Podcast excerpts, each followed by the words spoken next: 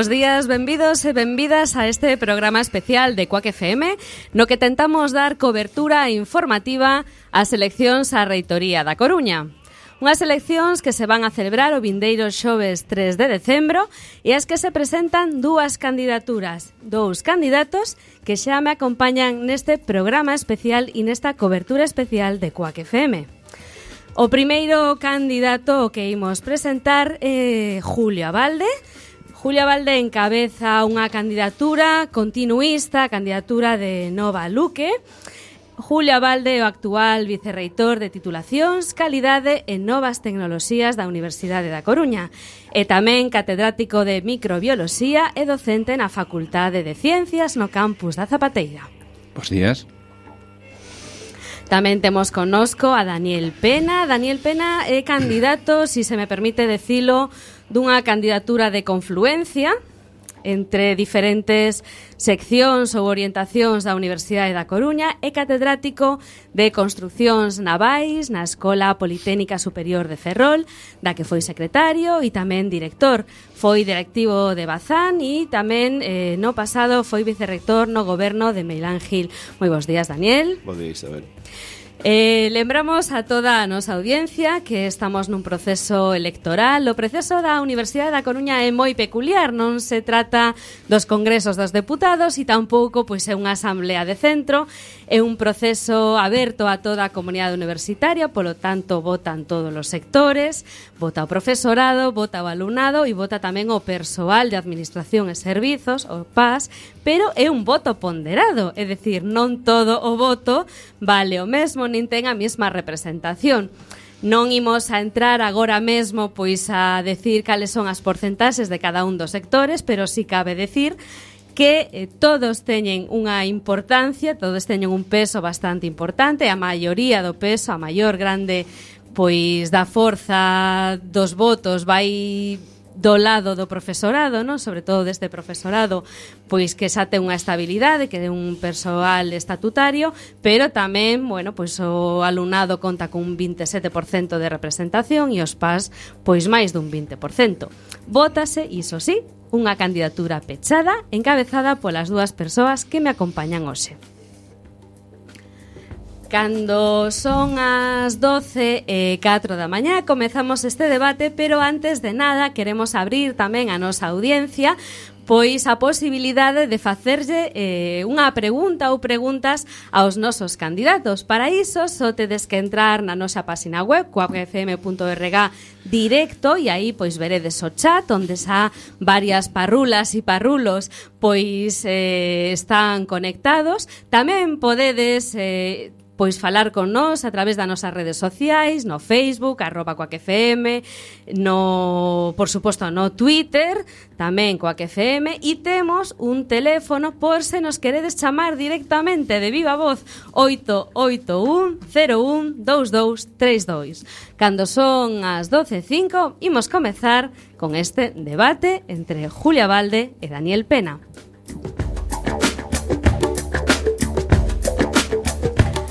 Decíame os candidatos eh, antes de entrar no programa que xa están cansados. Pero tamén se lles ve con cara con cara de ilusión. Como como están sendo estos esta campaña? Como está sendo esta campaña? Está sendo dura ou realmente pois lle sabe a pouco e precisarían máis tempo? Só lles queda ata o mércores, creo o martes, recordar, o martes. O martes. O martes por, bueno, por a miña banda é unha campaña, como decías, moi ilusionante, porque estamos en, por a nosa banda é unha campaña moi propositiva, moi de, de ter propostas moi pegadas ao que necesitan os distintos centros. Estamos atopando unha receptividade importante porque a xente quere participar, quere mellorar a súa universidade e creo que as nosas propostas eh, son moi ben recibidas. Uh -huh. Daniel, como levas ti? Pois como o, leva vostede? O levo ben eh, a verdade é que é unha campaña que ten os días de é corta, pero igual porque por precisamente porque corta é moito máis intensa.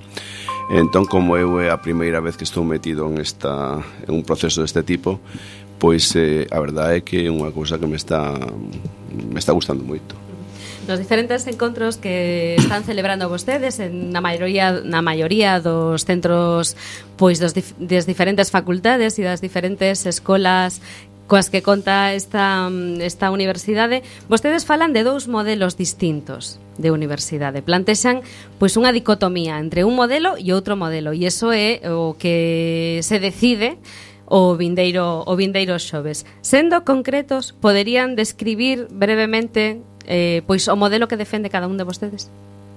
Ben, eh, nos eh, no Baluce defendemos un modelo de universidade un, unha universidade pública progresista, unha universidade de calidade, unha universidade que este preocupado polas persoas, basicamente. Por lo tanto, nos o que pretendemos é que eh, o principio de igualdad, eh, o principio de, de, de responsabilidade, de transparencia, de rendezón de, de contas, se os principios básicos da universidade. Pero tamén defendemos unha universidade galega que este na sociedade galega e que desde esta sociedade galega galega desde o sistema universitario galego se proxecte hacia o exterior. Eh, bueno, hai cosas comuns entre as dúas candidaturas Evidentemente, cada un ten as súas peculiaridades Pois non estaríamos xuntos polo, polo goberno común da universidade no? eh, Nós pensamos que esta universidade pública Hai cousas que non teñen dúbida de ningún tipo Pública, con igualdade de oportunidades eh, Centrado no estudiante E centrado, na universidade, eh, centrado na sociedade e por lo tanto un modelo diferente en, no, no, xeito, no, no xeito de que temos que ter en conta o, te, o tecido producto, o tecido productivo que forma parte da sociedade o estudantado está no centro da universidade e por lo tanto ese é o noso modelo uh -huh. Si lles eh, máis alá indo xa concretando un pouquiño ese modelo sedal que nos acaban de, de presentar, se si eu lles pido que tres liñas estratégicas sinalarían como, como esenciais do seu proxecto de goberno para os próximos 4 anos, cales, cales sinalaría, Daniel? Pois eh, o crecimento, uh -huh. o retorno social, a responsabilidade social e finalmente, confluindo en todo eso, un cambio no, un cambio na xestión da universidade. Julio? Ben, eh, nos, eh, os nosos eh, eixos básicos eh, son basicamente a mellora da, da docencia, a mellora da, da investigación, a internacionalización e, sobre todo, a preocupación polas persoas que forman parte de toda a comunidade universitaria de, de, da, da Universidade da Coruña. Estando a Universidade Galega e concretamente esa universidade pois nunha situación de inestabilidade ou polo menos Pois, eh, dado as últimas noticias que, que aconteceron os últimos, os últimos meses, Vemos que a universidade necesita pois un reforzamento, non? Cales serían para, para vostedes dous, cales sería a medida máis urxente que, que terían que adoptar despois pois da, bueno, pois do cambio de goberno cal que medida urxente acometerían vostedes ou diría isto é primordial, isto hai que solucionalo e hai que cambialo? Ben, en primeiro lugar, creo que as noticias que se refiren non son as últimas, son as penúltimas, porque despois desas noticias, digamos, eh, un pouco sensacionalistas e eh, exageradas por de, algúns sectores, incluso da propia universidade, a universidade acadou a tranquilidade económica. Por lo tanto, eu creo que, que é moi importante resaltar que en este momento se tomaron as medidas adecuadas para que esa situación económica eh, teña solución e, de feito, estamos rematando, mm, onte se rematou o ano económico sin sin eh, ningún tipo de, de problemas. Eh, nos pensamos que o ano que ven eh, vamos a iniciar un novo plan de financiamento.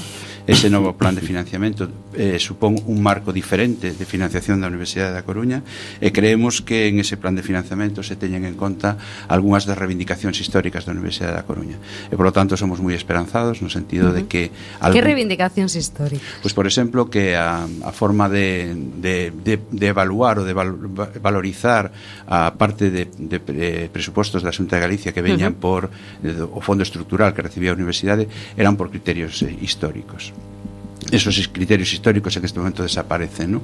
Entón se van a ter en conta realmente a situación de cada unha das universidades. Por tanto, eso creo que beneficia a Universidade da Coruña, que estaba sendo moi penalizada no anterior plan de financiamento, porque se estaban utilizando criterios de financiación históricos que beneficiaban, lóxicamente, a universidade máis grande que temos no sistema universitario. Por tanto, nos pensamos que ese cambio de criterio vai a permitir que a Universidade da Coruña reciba máis fondos desde para ese fondo estructural. Por tanto, creemos que a situación económica vai a, a ter unha certa melloría. Uh -huh. eh, coincido con Julio en que afortunadamente este novo plan de financiamento modificou situacións eh, e inxustas para esa Coruña desde un punto de vista de que os criterios históricos xa dixeron de estar uh -huh. a mesa para plan de financiamento eu penso que tiñamos que tiñamos que ser un poquiño máis agresivos na negociación dese plan de financiamento poñendo en valor todas as todo, todo o positivo que ten a Universidade da Coruña e por lo tanto é o plan que hai nos temos que nos temos, sabemos cal é o noso marco financiero non temos que movelo e para crecer temos que facer máis cousas uh -huh. facer máis cousas é tendo sempre presente que o estudantado é o centro da universidade no aspecto da docencia, que a investigación é outra parte fundamental da Universidade da Coruña e de calquera universidade, como objetivo básico, pois temos que crecer no tema de investigación uh -huh. e temos que crecer na nosa implicación con a, con a, con a sociedade. Eh, unha universidade pública financiase con cartos públicos e, por lo tanto, necesita, a sociedade necesita unha devolución, de, un, un retorno social de eso. E o tecido productivo, volvo a decir, é unha parte fundamental deso. As institucións son unha parte fundamental. E hai moitas outras organizacións na sociedade a que a Universidade da Coruña ten que, ten que acercarse. E eso non ten nada que ver con a mercantilización da universidade, ni moito menos con a privatización da universidade. Bueno, mm, isto entra sí. moito, sempre están saindo nos, nos debates, non? Eh, empresa na universidade sí ou empresa non. Incluso o Consello Social da Universidade tamén tivo un posicionamento de vez en cando un pouco eh, ambiguo neste, neste senso tamén, non? Ben, eu eh, vou a contestar, pero quixera antes decir unha puntualidade. Non se pode decir ao mesmo tempo que a Universidade da Coruña é moi agresiva coa Xunta de Galicia e non se pode decir que eh, ao mesmo tempo non foi suficientemente forte na defensa dos intereses da Universidade da Coruña. Eh, son incompatibles as dúas cuestións.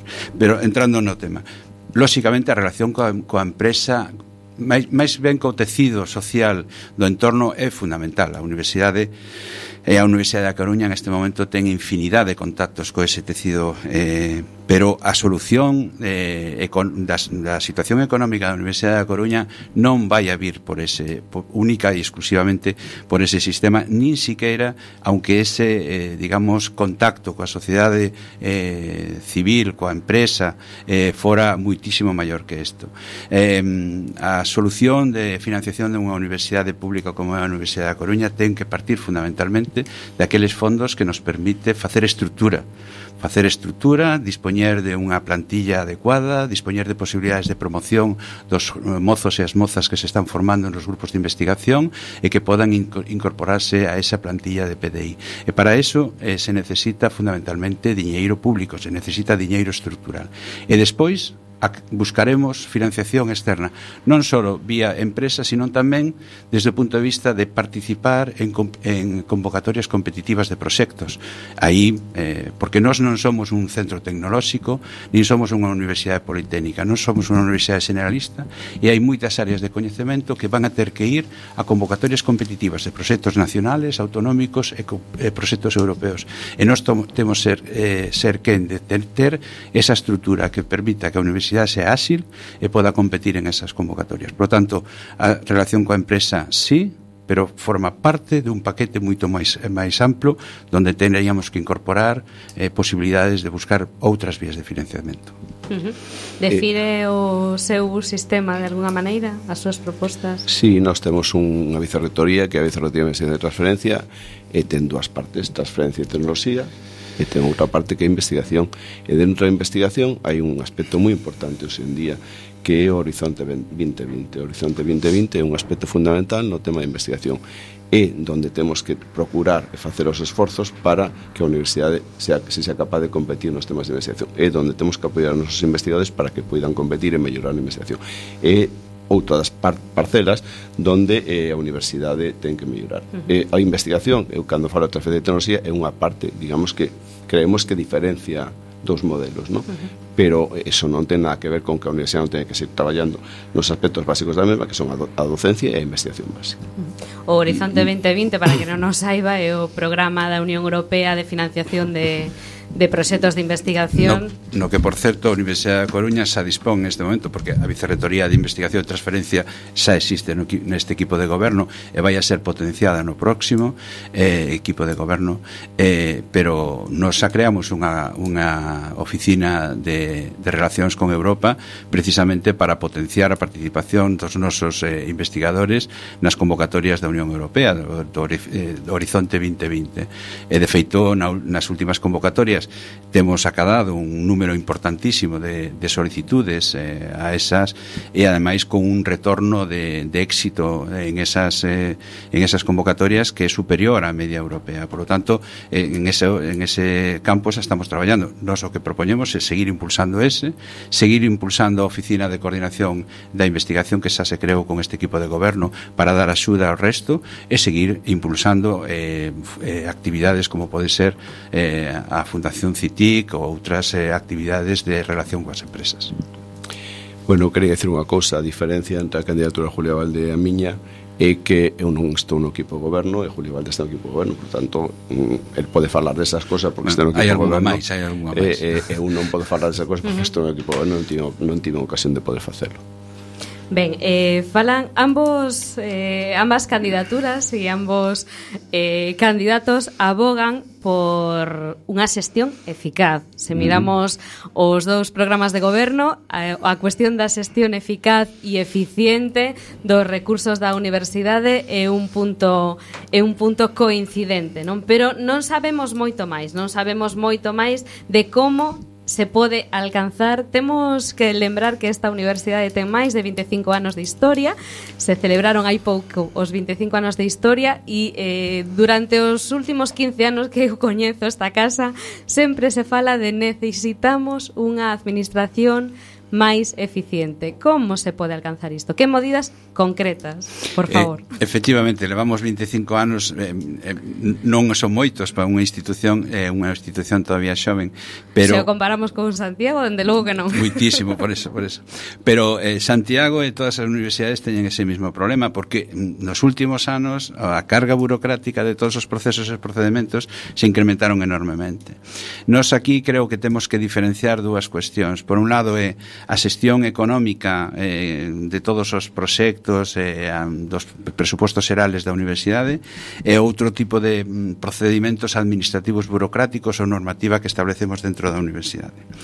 Nós temos que ter os, o horizonte de que única exclusivamente eh, temos que pauñer aqueles controles que precisen eh, as normativas externas da Universidade da Coruña. E, de feito, na xestión económica, por exemplo, de proxectos, prácticamente todos as condicións de xestión veñen impostas por as entidades que financian. Uh -huh.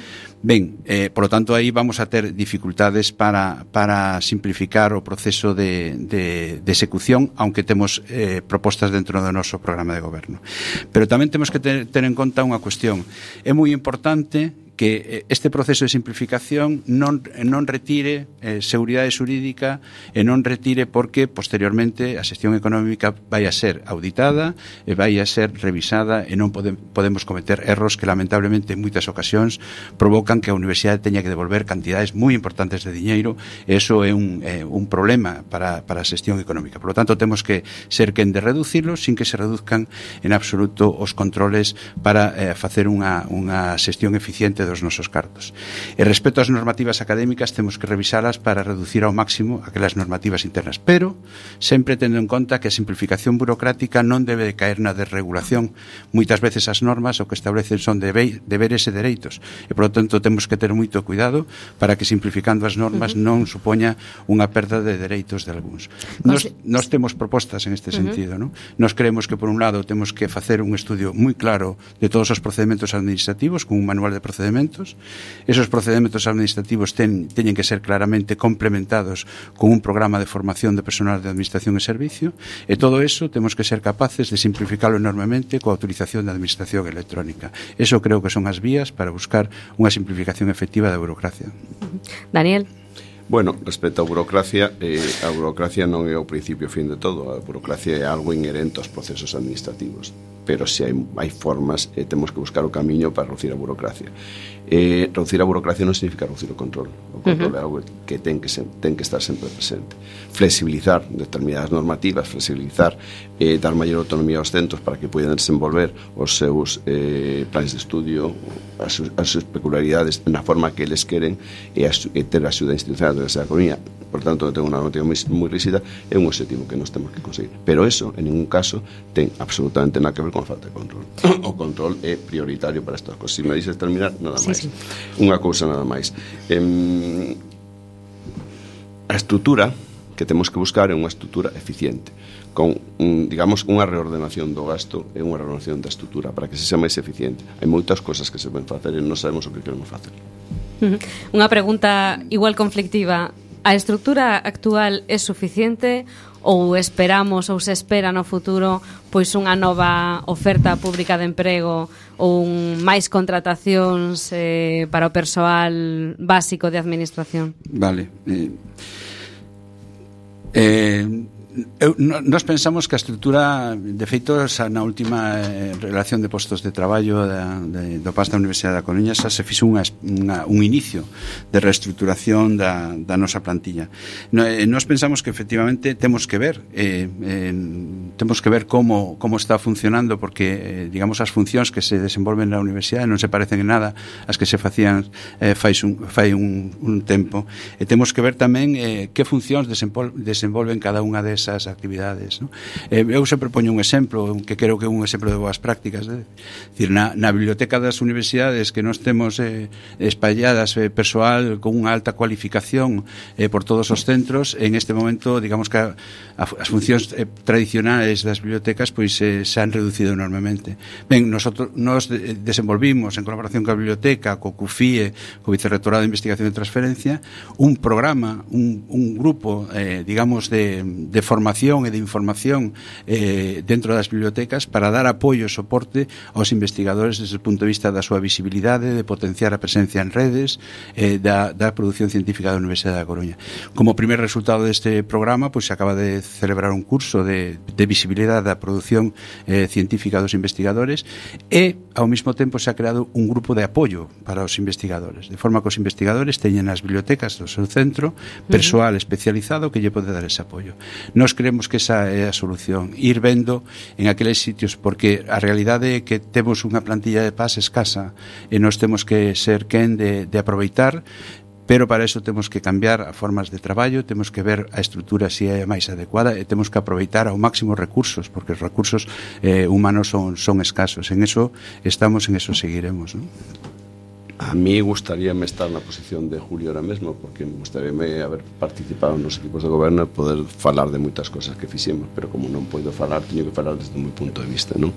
Eh, a mí me parece que a plantilla tanto docente como personal administrativo de servicios da Universidade de Coruña eh, está moi capacitada para desenvolver todas as pedrazas con docencia, con investigación e con a xestión uh -huh. da universidade. Eh, non teño en absoluto a idea ou non temos en absoluta idea de externalizar ningún servicio. Uh -huh. Pensamos que unha reestructuración aceitada de, do persoal pode dar lugar a unha xestión máis eficaz. Non temos intención en absoluto externalizar, pensamos que con esta plantilla de, podería ou debería de ser suficiente para facer todos, todos to, todas esas modificacións eh, traballar asistidamente na Universidade da Coruña. Si o que queremos facer é, é, é, é un objetivo do noso programa de goberno é eh, facer un manual de procesos. Creemos que cada uh -huh. posto de traballo ten que ter perfectamente definido, cada servicio ten que ter perfectamente definido cales son eh, os seus procesos. Ten que ter definido un protocolo perfectamente claro e acordado con acordado e estudiado con todos os representantes sindicais e con todos os traballadores da Universidade da Coruña. Eh, xa sei que isto é unha cosa que se di sempre, que nunca se, nunca se fixo hasta ahora.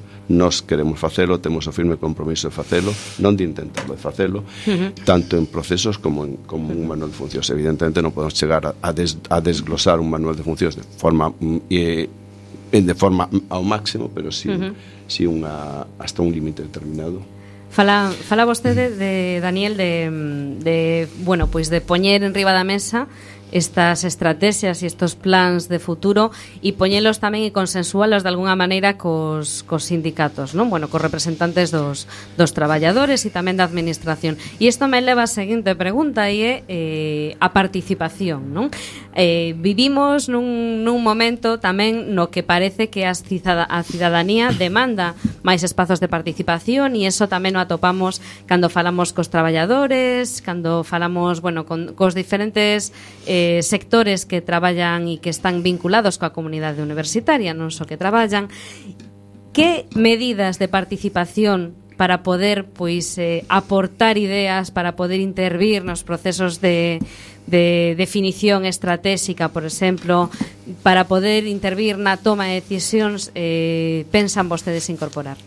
Eh, outro día tu, tive unha reunión en, das, das moitas que tivemos nos últimos tempos eh, Xulio e Moiseo con todos os colectivos, con os pás, estudiantes uh -huh. e profesores eh, que repito, para mí foron moi enriquecedoras porque nun, eu nunca estive en este proceso por lo tanto para mí son, son, son eh, moi enriquecedoras eh, me preguntaba un alumno na Facultade de Sociología se eu ia, tía, se eu ia ter a porta do meu despacho aberta. Eu lle dicen que a porta do meu despacho ia estar aberta sempre, pero que me gusta, me gusta, pero que a miña idea non é ter a porta aberta porque probablemente é moito máis difícil ir a ver a un reitor ou un vicerreitor a onde traballa que que o vicerreitor saia. Nos, nos queremos sair todo, todo o día, o sea, a única forma de saber o que lle pasa a comunidade universitaria é estar todo o día nos centros e non queremos decir eh, imos ir todos os meses, non, queremos, decir, uh -huh. queremos estar continuamente en contacto. Despois destas eleccións, se si nos ganamos, o primeiro que queremos facer é volver xa non en, en, en digamos, en campaña electoral, sino ir aos centros para ver cales son os problemas reais, que por moi pequenos que sexan, nos temos que resolver.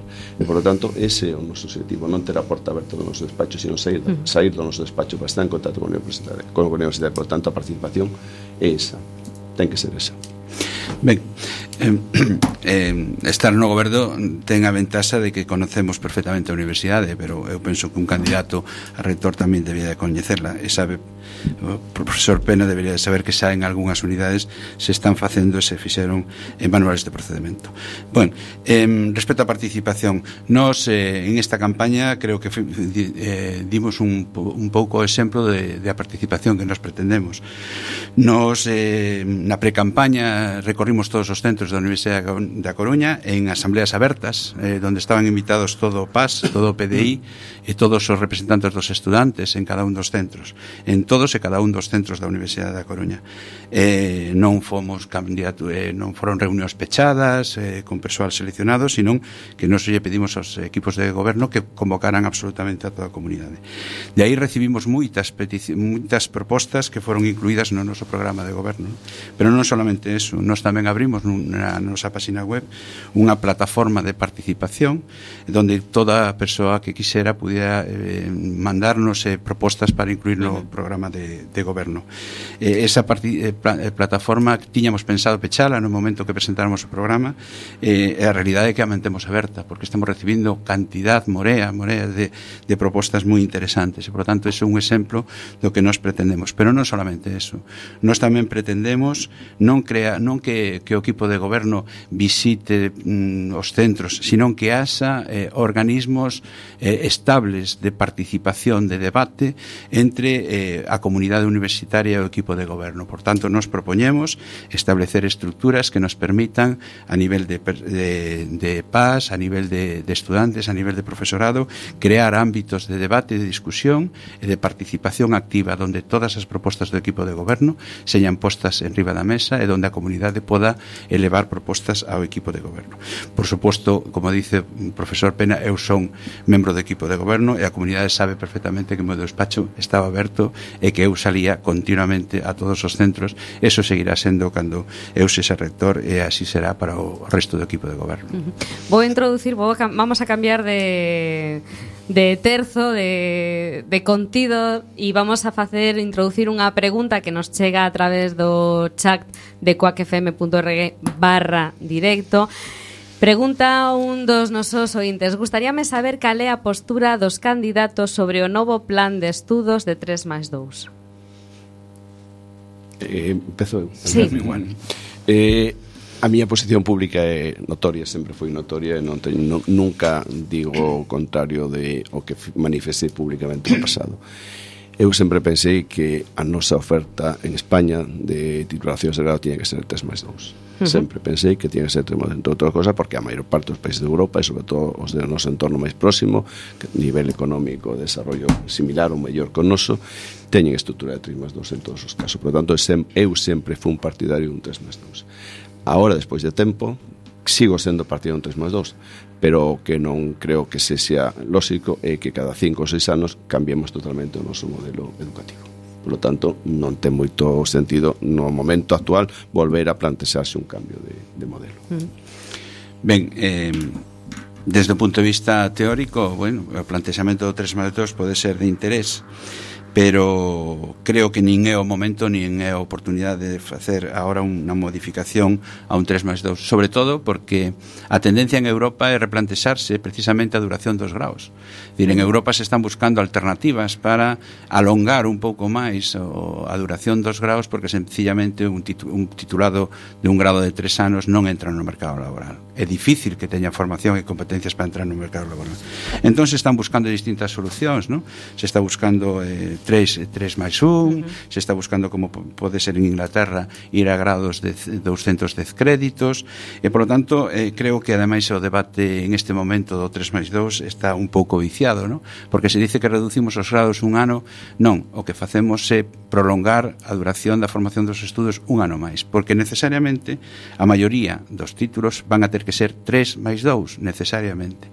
En este momento temos graduados que con 4 anos poden entrar perfectamente no mercado laboral se si vamos a grados de tres, necesariamente van a ter que facer mm. un más, un mestrado de dous anos. Por tanto, incluso na comunidade autónoma onde van máis adiantados que Cataluña, esta proposta de, de incorporarse dentro de dous anos, eh, despois da moratoria que estableceu a CRUE, están traballando con, con titulaciones de 3 máis 1, é dicir, grados de 3 que levan asociados un grado de mestrado a precio de grado, a precio de grado. Non de máster de, non de máster que a comunidade autónoma o está poñendo. Por lo tanto, eu creo que en este momento habería que facer un estudio moi riguroso, porque a tendencia en Europa é que vayamos a graos máis longos, máis longos. E ademais, ainda encima aquí en España temos o problema de que hai moitas titulacións que por normativas establecidas dentro destas fichas de competencias profesionales necesariamente teñen que manterse en 4 anos. Por lo tanto, creo que é un debate riguroso, temos que facelo con calma, con sentidiño. Eu creo que en este momento non é o máis máis adecuado que vayamos a unha estrutura 3 máis 2. Bueno, pero simplemente é unha idea que lanzou o ministro. No, pero o lanzou en un real decreto que dá autor, autoridade. E, e aparte é outra cuestión que para min eh, creo que é moito máis importante.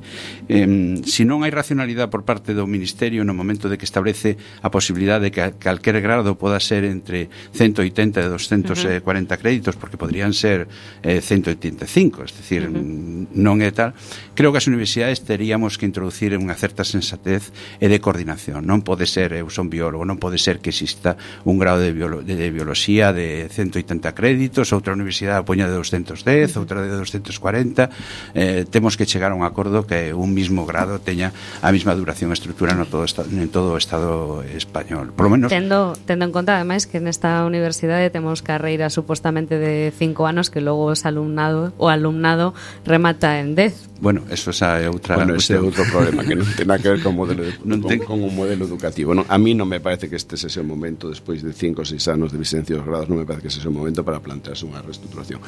Pero sí que temos que pensar no futuro e sí que temos que pensar como temos que facer e pensarlo con tranquilidade mm. e con calma. Non?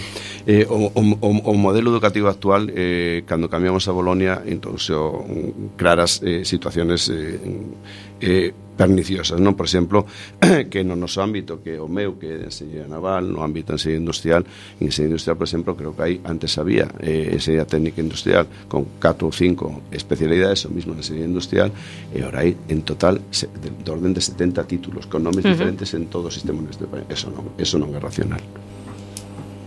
Ben, eh, imos pasar á seguinte pregunta porque estamos falando moito de, neste caso do 3 más 2, neste caso a situación do alumnado das carreiras, pero eh, de cara a unha ampliación ou de cara a dunha mellora da oferta das carreiras universitarias nesta, nesta UDC nos próximos anos, teñen vostedes eh, plantexado eh, a necesidade ou a posibilidade de, incor, eh, de incorporar novas titulacións na UDC? Ben, bueno, eso por suposto. E cales, e cales. Eso por suposto. Vamos a ver, eh, nos creemos que o, o, os retos próximos que temos desde o punto de vista académico da, dentro da Universidade da Coruña é unha, unha mellora da oferta. Pero esa mellora da oferta non vai a ir tanto nos graos, senón basicamente nos mestrados e nos eh, programas de doutoramento. Temos que ser capaces de, de mm, crear unha oferta eh, de mestrados eh, que sexa atractiva, especializada e que dé resposta ás necesidades de formación eh, da sociedade do entorno e temos que ter uns programas de doutorado eh, con un nivel de, de, de investigación e de excelencia e de internacionalización que nos faga captar eh, como unha ferramenta ferramenta básica de captar eh, de captar talento para a Universidade da Coruña. En ese sentido, bueno, me, outro eh, candidato me dirá que, bueno, porque non está no goberno, pero eh, non, eh, estar no goberno ten a ventaxa de que podemos poñer non só eh, ideas e propostas, sino en realidades en riba da mesa. ¿no? E nos en este momento temos eh, presentados a verificación en, en na esencia evaluadora por, eh, por impulso do equipo de goberno dos mestrados que van en esa línea, xa. un eh, de bio bioinformática para as ciencias da saúde eh, e outro é eh, un mestrado de, de enerxías renovables que se vai implantar eh, na Escola Universitaria Politécnica do Campus de Ferrol. Esos son dous exemplos do que nos eh, pretendemos, unha mm. vez consolidada a oferta de, de graus, unha vez consolidada aquela oferta de mestrados profesionalizantes que están relacionados con antiguas eh, titulacións de, de, de enxeñería, creemos que eh, é o momento de, de ter unha oferta, unha oferta que que sexa, sexa estratégica, unha oferta uh -huh. que este eh, directamente relacionada con as líneas eh, nas que a universidade é potente e que podemos prestar á sociedade un servizo de formación. Por tanto, nós non é que o propoñamos, é que o estamos facendo, e, por tanto, uh -huh. seguiremos facendo en esa línea.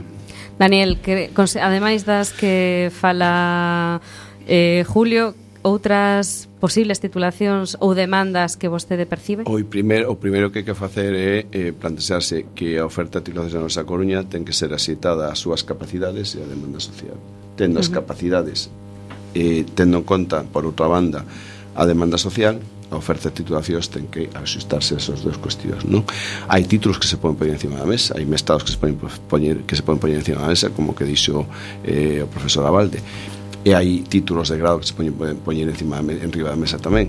Eh, nós o que, que temos claro que queremos facer en determinadas áreas, por exemplo, pode haber un título de que xa se plantexou por unha uh -huh. das candidaturas no, nas últimas eleccións, que foi de biomedicina, hai moitas cousas que se poden facer nese terreno, pero nós o que queremos é que dentro das capacidades da nosa Coruña, que son moitas, os centros definan por onde queren ir, é dicir, nós o que queremos é darlle flexibilidade e autonomía aos centros para que nos digan nos pensamos que isto é unha demanda social, temos capacidade para facelo e é por aí uh -huh. por onde queremos. Xa o teñen, eh?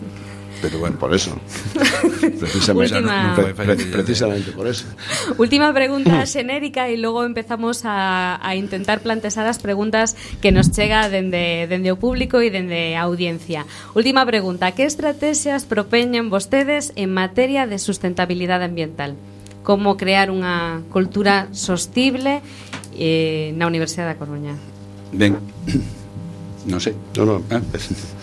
Ben, eh, para nós é un aspecto que, que é moi importante. Nós pretendemos, de feito, eh, a nosa eh, vicerrectoría, a proposta de vicerrectoría, se chama de economía, infraestructuras e sostenibilidade.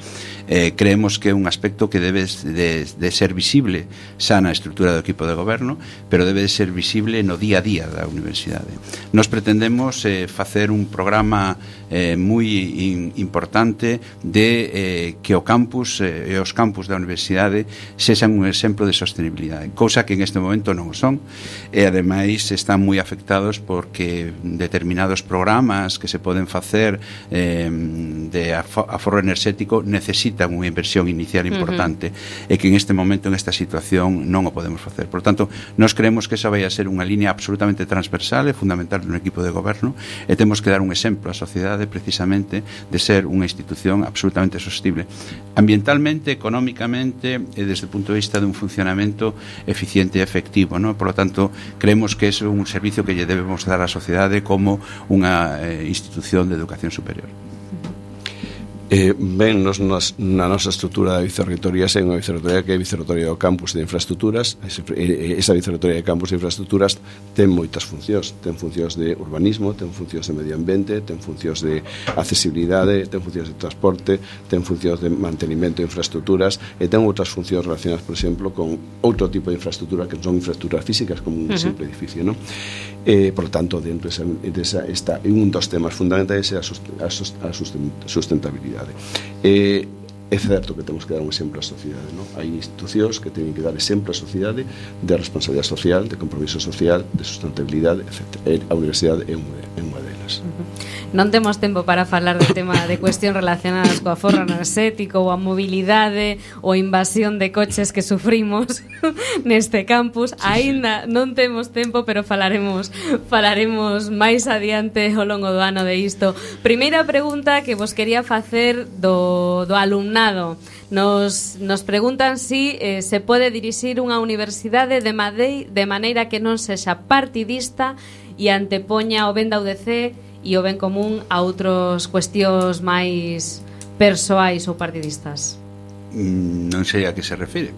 Eu dirixo a universidade, dirixo o meu vicerrectorado desde o punto de vista de miña idea absolutamente persoal e, lóxicamente, desde o miña punto de, de, de, de ideolóxico que toda persoa ten. Bueno, non existen persoas que bueno, non ten... señor candidato, eu creo que esta pregunta vai dirixida sobre todo porque tanto eh, unha candidatura como outra pois levan no seu, nas súas propostas de equipo de goberno pois a antigo bueno, a políticos recoñecidos nesta en Galicia, a antigos eh, membros do goberno galego, etcétera, etcétera. É dicir, parece que hai unha significación política. Políticos que son universitarios. Sí, sí, Políticos por suposto. Me faltaría máis, claro que, que sí. Casos, en, que en todos os casos estou seguro que pensan por enriba de todo no beneficio da institución. É dicir, a Universidade da Coruña é o objetivo que temos todos. O profesor Abalde, eu, todos os universitarios temos por enriba de todo un objetivo común. É a institución é que a Universidade da Coruña vai ben uh -huh. da igual que un teña a súa ideoloxía que, teña, que cada un en, na súa vida particular ou, ou pública teña unha ideoloxía pero cando traballa na Universidade da Coruña non, non é que poda, é que debe de ser unha uh -huh. cousa que debe estar por enriba toda a institución. Eu estaba falando da, de, perdón, de, perdón por interrumpir. Da, no, no, no, quero decir que eu estaba falando de, do rector, ¿no? E, que penso que é o que ten que, eh, nós defendemos unha candidatura que é unha candidatura de unha ideoloxía concreta, porque nos defendemos un modelo de universidade que é un modelo de universidade plural, pero que, que ten eh, a súa ideoloxía, nos defendemos eh, unha, unha idea e unha, unha visión progresista eh, da progresista da eh, entroncada mm. coa coa sociedade galega de universidade, pero eso eso non ten absolutamente nada de partidismo, ten simple e llanamente que cada un de nós temos ideoloxía, esa ideoloxía se plasma na nosa acción, pero sin dirixismo absolutamente de ninguna estrutura. Eh, por suposto que hai xente que participou activamente en partidos por, claro, porque na sociedade existen, e na universidade existen, pero basicamente están porque son profesores e son académicos, como dice o, doctor, mm. o profesor Pena. Ben, eh, outra pregunta, e está ben do colectivo dos PAS, cale a súa política en relación cos interinos e interinos laborais e se haberá convocatoria de prazas por oposición ou consolidación? Estas son preguntas moi moi concretas, moi concretas eh? Pero ao final a audiencia que lle interesa son cousas concretas. Ben, eh, para min os, os, os interinos mentras estean na, na universidade son personal de administración e servicio uh -huh. eh, te, deben de ter de, os seus dereitos tamén como uh -huh. personal de, de administración e servicio. E pensa vostede incluirlos nos plans de formación continua? eh, eso son cuestións que habrá que verlo con representantes dos traballadores porque mm. nós o que o que facemos é que existe unha comisión unha comisión de formación onde están representadas a, a xunta de persoal e, a, e o comité de empresa. Bueno, agora o comité de empresa xa, ao non haber eh, persoal laboral xa non, non ten representatividade pero eh, eles son os que teñen que regular. Nós propo, propondremos eh, nos gustaría que todo o persoal que está traballando na Universidade da Coruña teña acceso a esos eh, plans de formación pero é unha decisión que nos temos que compartir e, e consensuar cos representantes dos traballadores. ¿no? Daniel, nestas reunións... Sí. Perdón, perdón, perdón. A mí pareceme que mentras alguén traballa na Universidade da Coruña, se se interino, se se laboral, ten dereito á formación continua porque é o que demanda a Universidade da Coruña. Canto mellor formados estén todos os traballadores da Universidade da Coruña, mellor, ser, mellor será o goberno, a gobernanza da Universidade da Coruña. Por tanto, penso que é un acceso que, que é beneficioso para os traballadores e para a propia universidade. Uh -huh. Preguntan tamén que accións e propostas teñen pensado para aumentar o número de proxectos europeos e como teñen pensado potenciar ou axudar os grupos de investigación da UDC para que desenvolvan ciencia e investigación de calidade. Bueno, isto é algo que se tocou ao principio deste debate, pero eh, bueno, pois eh, se poden incidir máis ou facer algunha proposta en concreta para, para os ointes? Ben, nos levamos no noso proxecto du, mm, tres liñas de actuación en este aspecto. ¿no? En o caso dos proxectos europeos levamos a consolidación da estrutura da OTRI, fundamentalmente en cuestión relacionadas con, eh, con a oficina europea. Creemos que esa estrutura debe ser o suficientemente eh, potente para, para apoiar a, as propostas, uh -huh. non só en proxectos europeos, sino en participación en RCs, eh, como programa BERCE que temos para, para eh, axudar aos investigadores a que se presenten a estas convocatorias europeas eh, a outra línea é eh, establecer eh, digamos estructura eh, en, a, en Bruselas para que axude digamos a, actúe como antena eh, uh -huh. das convocatorias eh, e informe aos investigadores e respecto creo que tamén na, na na participación en convocatorias competitivas creemos que debemos de, de seguir potenciando as dúas eh, oficinas de coordinación da investigación para darlle un peso máis importante de, de, de axuda na, na búsqueda de, de convocatorias tanto nacionales como, como autonómicas. Eh, eh, oficina que eh, que en este momento tamén ten unha delegación no campus de Ferrol e para nós eso, eso é un aspecto que, que é moi importante para a, animar. E despois tamén temos outro tipo de axudas que ten que ver un pouco con eh, realizar accións específicas para determinadas áreas de coñecemento eh, para eh, potenciar a participación en proxectos en áreas que en este momento eh, todavía teñen eh, digamos un pouco menos desenvolvidas esta, este factor. Uh -huh. ¿no? Eh, para, nos, para nós é moi, é moi importante porque creemos que, que temos que, que aproveitar todo o potencial uh -huh. eh, de investigación que ten a, a Universidade da Coruña que moito. Daniel, vostede tamén comentaba que a investigación a liña estratégica do seu programa de goberno. Por suposto, non podría ser de outra forma. A investigación en transferencia de tecnoloxía teñe que ser liñas estratégicas de goberno de calquera uh -huh. universidade. E como? Como facelo realidade? Eh, Eh, e nós o que, ves, o que vemos e eh, o que detectamos como investigadores en contacto con moitos outros investigadores da Universidade da Coruña con esta Coruña les presta pouco apoio pouco uh -huh. apoio na súa xestión económica pouco apoio na súa xestión administrativa e nós creemos que eso ten que modificarse ten que mudar seriamente ¿no? temos que ser capaces de crear unha estrutura administrativa que lles dé soporte real aos grupos de investigación soporte real no se traballa En na actualidade, os hai grupos de investigación grandes, grupos de investigación pequenos, os grupos grandes son capaces de, eh, de, de, de, de ser máis recursos, de, esos recursos, de, de parte parte desos recursos teñen que financiar, por exemplo, como pasa no noso grupo, un personal administrativo para que debe toda a xestión.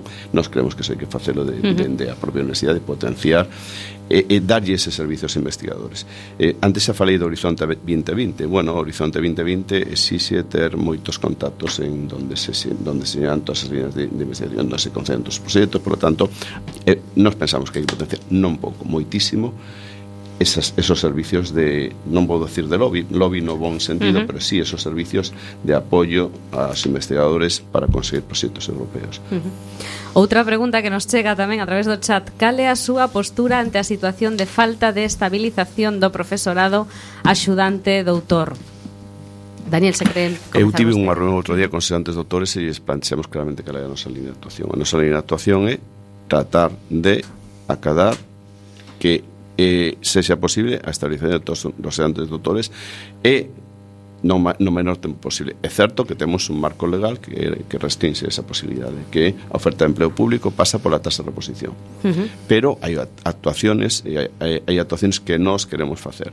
E as, dentro das actuaciones que nós queremos facer é tratar de resolver ese problema a mellor medida posible. A estabilización será non lineal, é dicir, o que vamos facer é un análisis pormenorizado da pirámide da plantilla en cada área docente, docente, non investigador, docente, e a partir de aí tomar as decisiones que consideramos máis adecuadas, máis necesitadas ao desenvolvemento esa área. Aí entran os estudiantes doutores. Nós queremos plantexar temas relacionados con os estudiantes doutores de sacar esa bolsa de traballo canto antes. Se si non facemos absolutamente nada, o único camiño que temos que temos agora é, é contratar en de sustitución. Nós queremos queremos mudar esa proposta. Uh -huh. Alguna proposta en concreto, Julio? Ben, a nosa proposta é clara, é, é o que levamos facendo nos últimos 4 anos. Nos creemos que todos os asurantes doutores teñen dereito á súa estabilización. Eh, loitaremos para que sexa na figura máis, mm, mm, digamos, eh, máximo nivel. Nos eh, preferiríamos que foran todos eh, a través de eh, a figura de contratado doutor, porque a maioría deles teñen esa, esa acreditación, e, por lo tanto, eso é o que defendemos e o que levamos defendendo. Pero eh, discrepo do, do, do que acaba de comentar o profesor Pena, no sentido de que nós creemos que esa estabilización debe de ser por criterios absolutamente públicos, transparentes e universales, porque o criterio de situación da área de coñecemento xa se tuvo que tomar no momento en que se creou esa plaza de eh, profesorado, de profesor uh -huh. estable. Eu entendo que todos os asesorantes doutores son, son polo tanto, profesorado estable, eh, se utilizou o criterio de, de situación da área de conocimiento para creala. Posteriormente o proceso de promoción vai a depender máis de as ansias de eh, e os méritos acadados por cada un dos eh, dos profesores, por lo tanto, nos defendemos unha estabilización, repito, eh, por criterios públicos, transparentes e universais. Parece que hai eh, disenso. Eh, non, non hai disenso, non se me pasa por la cabeza pensar que imos facer eso sin criterios transparentes, sin criterios públicos e sin que todos os directores se saiban en cada momento cales son esos criterios. Non se me ocurre, si profesor Alde pensa que imos faceros así, pois pues, que non sei si, si, supoño, quero pensar que está equivocado. Hai situacións claramente inxustas. Inxustas, por exemplo, porque entre as comunidades autónomas, todas, menos en dúas, que son Galicia e Castilla e León, eh, se convocan plazas de contrato aos doutores interinos. Nós temos uh -huh. que traballar en ese, en ese senso. Queremos traballar en ese senso e imos traballar en ese senso para intentar tentar de conseguirlo. Por lo menos imos traballar en eso, ¿no? Respecto a promoción, a estabilización, estamos totalmente de acordo, foi o primeiro que dixen, uh -huh. pero non creemos en unha estabilización globalización non creemos en un proceso lineal en donde mm, non haxa ningún proceso máis ningún criterio máis que a antigüedade, non, pode haber áreas que necesiten maior estabilización e, por tanto, todo será para estabilización. E áreas que necesiten menos estabilización e serán para promoción, porque a estabilización e a promoción dentro da oferta pública de empleo están perfectamente, están totalmente ligadas e todo o mundo ten dereito tamén a promocionar tendo a sensibilidade social de saber que as persoas que teñen máis dificultades para desenvolver o seu traballo mm, que están en situación máis precaria son os estudiantes doutores iso non hai que olvidarlo nunca. Uh -huh. mm, Ben, eu creo que introducir criterios eh, eh, non obxectivos eh, en este proceso eh, non, é, non é moi adecuado. Eh, Ben, eh, nos eh, na Comunidade Autónoma non podemos sacar a plaza de contratados doutores interinos simplemente porque a Xunta de Galicia fixe unha consulta ao Ministerio e resultas desa consulta sale que, que es, esa figura é ilegal e que non se pode sacar. E, por lo tanto, é a Xunta de Galicia a que nos impide eh, que saquemos esa, esa plaza. Mm, as outras comunidades autónomas, pois parece ser que como non preguntaron, pois eh, a comunidade autónoma non fai un seguimento desas plazas e nós como, como universidade o que tentaremos é eh, que o, o criterio sexa igual para todos. Ou, ou todos poden pedir ou ningún pode pedir. Por tanto, lle pediremos a, a Xunta de Galicia que, que reconsidere a súa prohibición por escrito eh, enviada á Universidade da Coruña de prohibición de sacar plazas de contratado doutor interino. Uh -huh. Outra pregunta, sí. Sí, pero moi breve porque son as 12:53. Disgústame volver sobre o tema dos criterios objetivos. Uh -huh. Os criterios serán totalmente objetivos, totalmente uh -huh. transparentes, totalmente claros. Estarán sempre abertos á, á comunidade universitaria. En segundo lugar, ante calquera problema hai dos formas de resolver o problema. Un é non facer nada, con cal problema non o resolvemos, e outra, tentar resolverlo. eh, non hai ningunha razón para que a, a Universidade de Castilla Mancha eh, acabe de convocar 100 plazas de contratado interino e que en Galicia eso non se pode producir. Uh -huh. E mandarei o dictamen da Xunta de Galicia. Bueno, unha das primeiras preguntas que nos fixeron hoxe e que aínda non tiven a oportunidade de introducir. Pregunta unha, unha ointe a miña, a min gustaríame preguntar pola súa opinión de cara ao software libre e o apoio que propoñen os candidatos á oficina de software libre que viu reducido o mínimo a súa actividade, xa que só funciona seis meses o ano e únicamente dispón de dúas persoas. Eu, vale. Ben, efectivamente. Isto é unha crítica, o sea, primeiro responde vostede e despois e despois Daniel. Efectivamente, eh, a oficina de software libre depende de unha eh, subvención da Xunta de Galicia eh, que lamentablemente esa subvención eh, se foi en recortando eh, paulatinamente. En este momento pois eh, a subvención que, que dá para as tres universidades chega un, única exclusivamente para dotar eso que comentábamos. Pero eu penso que a, a política de, de utilización de software libre en unha universidade non, non é solo en a Universidade da Coruña por suposto non é solo a través de dotación ou non dotación de oficina de software software libre. senón é desde o punto de vista de a utilización de ferramentas de software libre no desenvolvemento das, das aplicacións eh, da vida eh, da Universidade da Coruña. En ese sentido, eh, no quero recordar que absolutamente todas as, as ferramentas que están implantando a Universidade da Coruña en este momento son prácticamente todas, sempre que se pode, en, en formato de software libre. Por lo tanto, nos facemos unha aposta decidida polo software libre e, de feito, no ranking de universidades españolas, a Universidade da Coruña está no sexto posto de utilización de software libre das 50 universidades que existen no, universidades públicas que existen en España, ¿no? Iso non é un gran indicativo de todos modos. Bueno, por qué? Por qué? Eh, te, mira, eh, eu só, solo te pongo te poño por exemplo as eh, as plataformas e as ferramentas postas en estos últimos 4 en marcha, o repositorio documental, a um, sede electrónica, eh, o sistema de de de, de formación, eh, todos están implantados sobre software libre. Por lo tanto, eh, nós sempre que dispoñemos dunha ferramenta de software libre esa é a que utilizamos. O noso sistema de correo electrónico absolutamente eh, a maior parte das nosas, das nosas ferramentas eh, son desenvolvidas a página web, recordando, eh, son desenvolvidas en, en ferramentas de software libre. Outra pregunta que está que nos chega dende GPUL e despois eh, contesta vostede, que está relacionada. A GPUL e o grupo de programadores xa, usuarios de Linux, que nos di que vai a facer eh, a universidade eh, con toda súa documentación e formularios estarán en formatos estándares e interoperables como ODT en lugar de DOC Eh, sí, esa é unha reivindicación histórica. Eu, eu o, que, o que espero é que dentro de dous anos desaparezcan os formatos en ODT, eh, os formatos doc, no sentido de que todos sexa a través de formularios web e, por tanto, a xestión non necesite para nada que utilicemos documentos nin, nin plantillas eh, en eses formatos. Por tanto, eh, ese, esos formularios van a ser sobre unha plataforma en software libre. Por tanto, eso é o que, o que nos eh, eh buscamos, que non haxa nin documentos esos eh, formularios en doc nin, nin, o, nin, nin en outro formato. Daniel. Respecto á segunda pregunta, a mesma opinión, a mesma mm. resposta. Respecto á primeira pregunta, sempre que se pode utilizar software libre, nos apostamos decididamente por software libre. Cando non se poda eh, cando non se poda traballar con software libre, como hai moitos centros que non poden traballar con mm -hmm. software libre, non nos queda máis remedio que ir a software comercial. Mm -hmm. Sempre que se sea posible traballar con software libre, apoyaremos decididamente a utilización mm -hmm. da Universidade de Coruña de software libre pero podería haber un proceso de, de de eh, transición, eh, hai, Hay, Hai, Cara... moi, hai moito software, hai moito software que utiliza moitos centros que é software moi específico que non é posible polo momento eh, que se ese software libre. Ben, pero falamos, por exemplo, de software de investigación, pero non estamos falando de software generalizado, non? De bueno, non, pues, non falamos de software, de software de, no, no, no, falamos de software docente, falamos de software uh -huh. de investigación. Para nada de software centralizado relativo uh -huh. a, a xestión e demais. Uh -huh.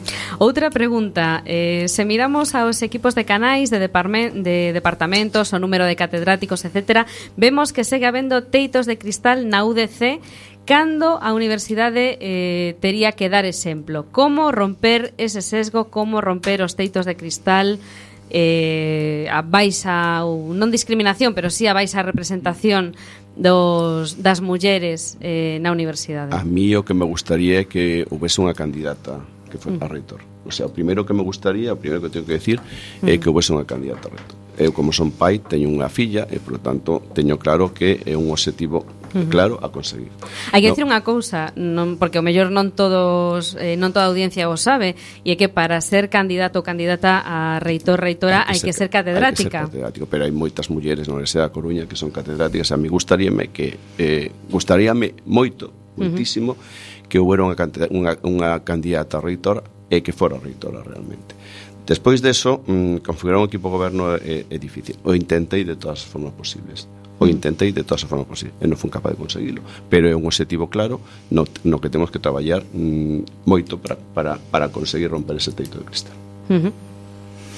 Ben, eh, Eu, de feito, intentei convencer a unha para que fora candidata a rector eh, da Universidade da Coruña, a unha que teño moita confianza que é a miña muller.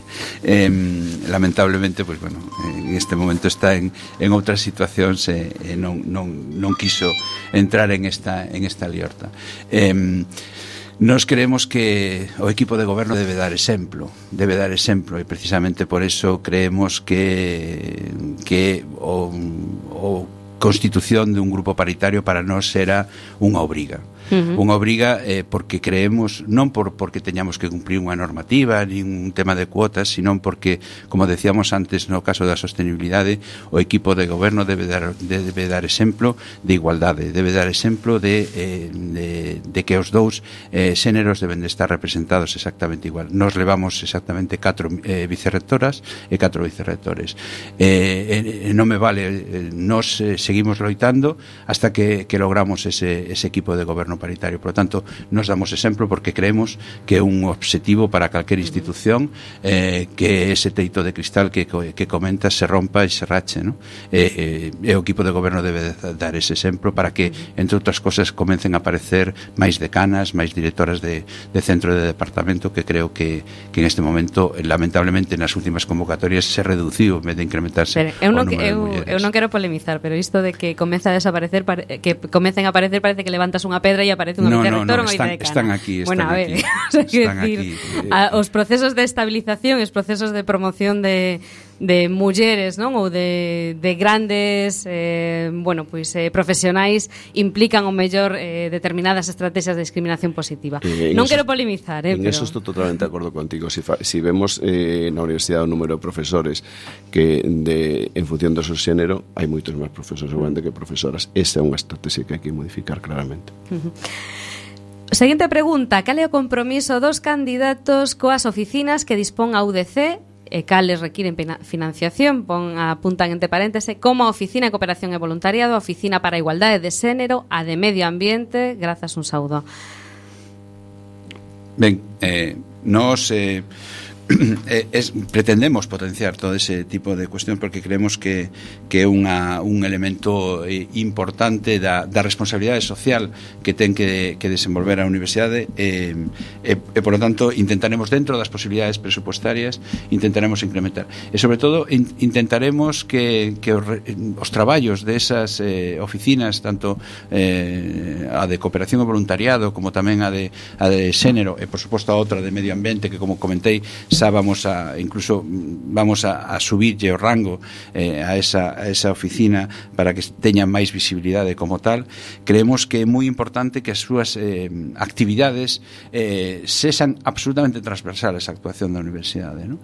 eh, por lo tanto creemos que cuestións de voluntariado deben de ser incorporados tamén nos planos de estudio deben de ser incorporados en metodoloxías docentes en ese aspecto estamos traballando en un proxecto de, de utilizar metodoloxías de aprendizaje aprendizaxe, servicio de aprendizaxe, donde se implicaría pois o CUFIE, eh, se implicaría a oficina de voluntariado, que creemos que sería unha forma de visibilizar esas actividades. E, por lo tanto, as actividades tamén de, da oficina de xénero, lóxicamente, teñen que ser eh, moito máis visibles e moito máis transversales. Outro día en un centro nos comentaban a necesidade de, de introducir ese tipo de, de formación e de competencias no, no currículum de todas as, as titulacións. Eu penso que, que é unha cuestión que deberían de aparecer de forma transversal absolutamente en todos os, os contidos educativos. Hai outra eh, outra pregunta que está dirixida ao profesor Pena que di actual equipa de goberno e en especial o seu vicerrector de investigación e transferencia ven de poñer en marcha a unidade mixtica mixta, perdón, Navantia UDC nomeando a vostede director da unidade. Como valora esta unidade e o seu nomeamento como director?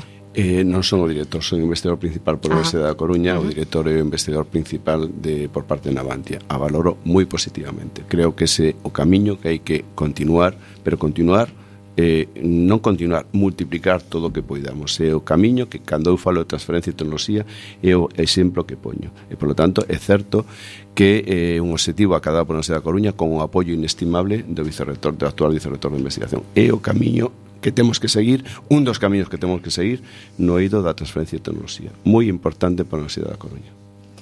Preguntan tamén cales son eh, bueno, vamos a ver, eh, impulsarán os dous candidatos os traballos da comisión creada para a racionalización das estruturas académicas e comprométese a levar a cabo as súas conclusións? Eh, nos cambiaremos o modelo de esa comisión. Nos o que queremos facer é eh, facer un análise da situación dos centros na Universidade da Coruña para ter unhas conclusións e a partir das conclusións para tomar unhas decisións. A día de hoxe, probablemente, o que, probablemente a día de hoxe o que penso é que probablemente non se sea necesario ninguna fusión de centros. Pero uh -huh. sí queremos facer un análisis e o análisis non creemos que se poida facer con unha comisión dese tipo. Ben, esa comisión foi aprobada co apoio do profesor Mena no Consello de Goberno, que foi aprobada por unanimidade e non a proposta do equipo de goberno. Eh, perdón, eh, unha, en ese Consello de Goberno non estaba. Pois creo que sí, porque a mes intervino. Pero bueno, da igual, non vamos a entrar en ese tipo de debates. Pero eh, como membro do Consello de Goberno é solidario coas decisións que se toman ademais por unanimidade no Consello de Goberno. Por lo tanto, non é, esa comisión non é unha de decisión do equipo de goberno, pero esa comisión o que está facendo é o que dice o profesor Pen, que hai que facer. É dicir, estudiar a situación dos distintos centros, estudiar eh, como se estructuran os centros e os departamentos e sacar unhas conclusións. Nos, no, nos non é que nos comprometamos a levar a cabo o que diga esa comisión, non. Uh -huh. Nós nos comprometemos a que o que diga esa comisión pase ao claustro universitario e se ese ao claustro universitario toda a comunidade a que decida ao final cal é o resultado de esos criterios. E a continuación non o equipo de goberno, o Consello de Goberno levará a cabo se si considera oportuno esa fusión. Por lo tanto, por a nosa banda, total eh, apoio ao que salga desa comisión e nós en este momento non temos en riba da, da mesa ninguna ningunha previsión de fusión nin de centros nin de departamentos. Será esa comisión e o claustro despois soberano verano o que decida que facemos coa estrutura da Universidade da Coruña. Profesor Penas, que cime antes de darlle voz en respecto da, dunha das preguntas que se nos fixo sobre bueno, pues a, a Oficina de Cooperación e Voluntariado, a Oficina de Medio Ambiente, etc. etc.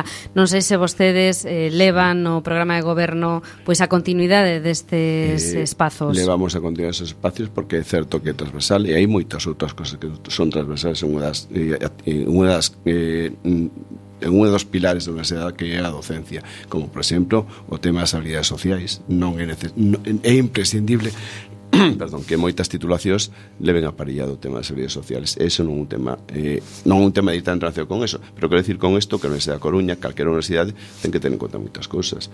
A responsabilidade social, o compromiso social, o compromiso ético son cousas inherentes á universidade. E esa imaxen temos que proxectarla sobre, sobre a sociedade e temos que traballar conjuntamente con a sociedade dentro da Universidade da Coruña porque obriga de calquera universidade. Bueno, son as 11 e set, a 1 e 7 minutos da tarde, levamos unha hora de máis ou menos de debate e creo que chega o momento pois pois de rematar, aínda que foi unha, bueno, pois eh, creo que foi unha discusión, un debate, un coloquio eh, ben interesante no que intentamos pois tocar todos os temas. Queremos agradecer moitísimo a todas as persoas que entraron a través das redes sociais, a través da nosa página web, a través do noso chat e que nos deixaron as súas preguntas. Intentamos contestar ou intentamos unir eh, as temáticas temáticas de, da maioría de, de todas elas. Pedimos perdón se non formulamos eh, as preguntas eh, correctamente e en todo caso, pois simplemente profesor Abalde, profesor Pena, desesarlles moita sorte e desesarlles pois que independentemente pois dos resultados eh, das vindeiras eleccións decirlles que, que nesta casa que en Coac FM pois estamos eh, abertos a escoitalos e a seguir pois traballando consuntamente pois dar voz tamén a esta comunidade universitaria. Moitísimas grazas aos dous e, e moita sorte. Moitas gracias Isabel e bons días a todos. E moitas gracias e ao día seguinte das eleccións como dice sempre o profesor Pena aquí estaremos como profesores traballando pola universidade. Eso, así me gusta. Efectivamente, ahora que estamos fora de onda efectivamente. Quedades na compañía de Coac FM no 103.4 da Radio Comunitaria da Coruña.